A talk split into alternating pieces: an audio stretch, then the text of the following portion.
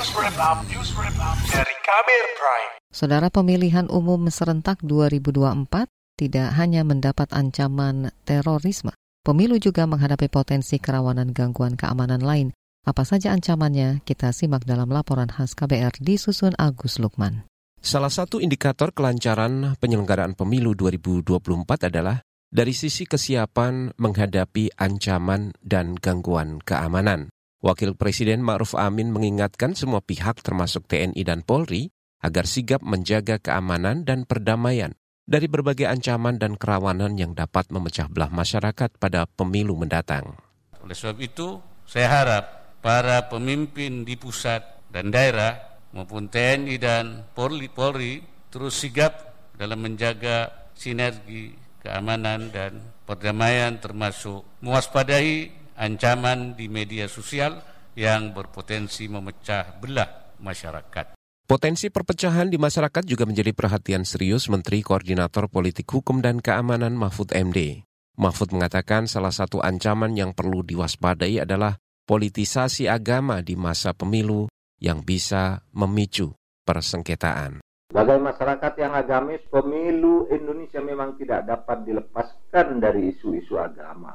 Namun, hal ini harus benar kita batasi agar agama tidak disalahgunakan. Dalil-dalil agama memang penting bagi pertimbangan untuk memilih partai atau calon tertentu. Namun dalil-dalil agama ini tidak boleh menjadi legitimasi untuk membenci, mengkafirkan, bahkan menjadi sumber konflik kekerasan dengan kelompok lain. Mahfud MD menambahkan peredaran berita bohong atau hoaks harus diantisipasi untuk mencegah konflik dan perpecahan. Ia meminta semua pihak, baik individu, masyarakat maupun komunitas, bersama-sama meminimalkan peredaran dan dampak dari hoaks.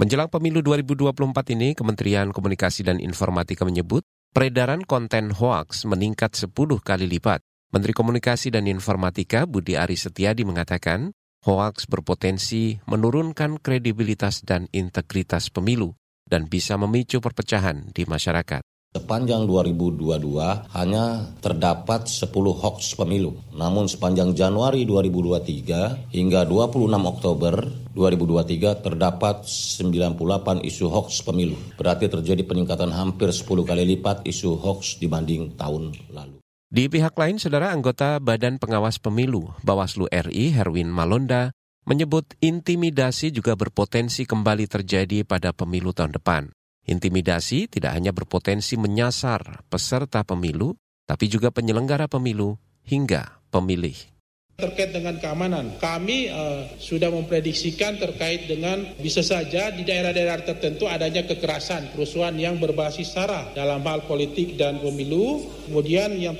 berikut adalah terkait intimidasi. Intimidasi bisa terkait kepada yang namanya peserta pemilu, kepada penyelenggara pemilu, kepada kepada pemilih yang nanti akan berpengaruh proses uh, penyelenggaraan pemilu, terutama terkait dengan fasilitas penyelenggaraan pemilu. Anggota Bawaslu RI Herwin Malonda juga menyoroti potensi politisasi isu suku, agama, ras, dan antar golongan atau SARA yang bisa menimbulkan perpecahan. Selain itu, ancaman lain adalah netralitas aparatur sipil negara dan politik uang yang masih berpeluang besar kembali terjadi pada pemilu nanti. Jauh-jauh hari sebelumnya, anggota KPU RI Pramono Ubed Tantowi mengatakan salah satu ancaman pemilu lainnya adalah gangguan atas keamanan siber yang bisa mempengaruhi hasil pemilu. Karena kita tahu pengalaman di banyak negara bagaimana pemilu di apa dipengaruhi dalam arti yang negatif eh, apa karena orang bisa memanfaatkan eh, apa namanya celah-celah dari eh, apa dari teknologi informasi untuk mempengaruhi hasil-hasil pemilu.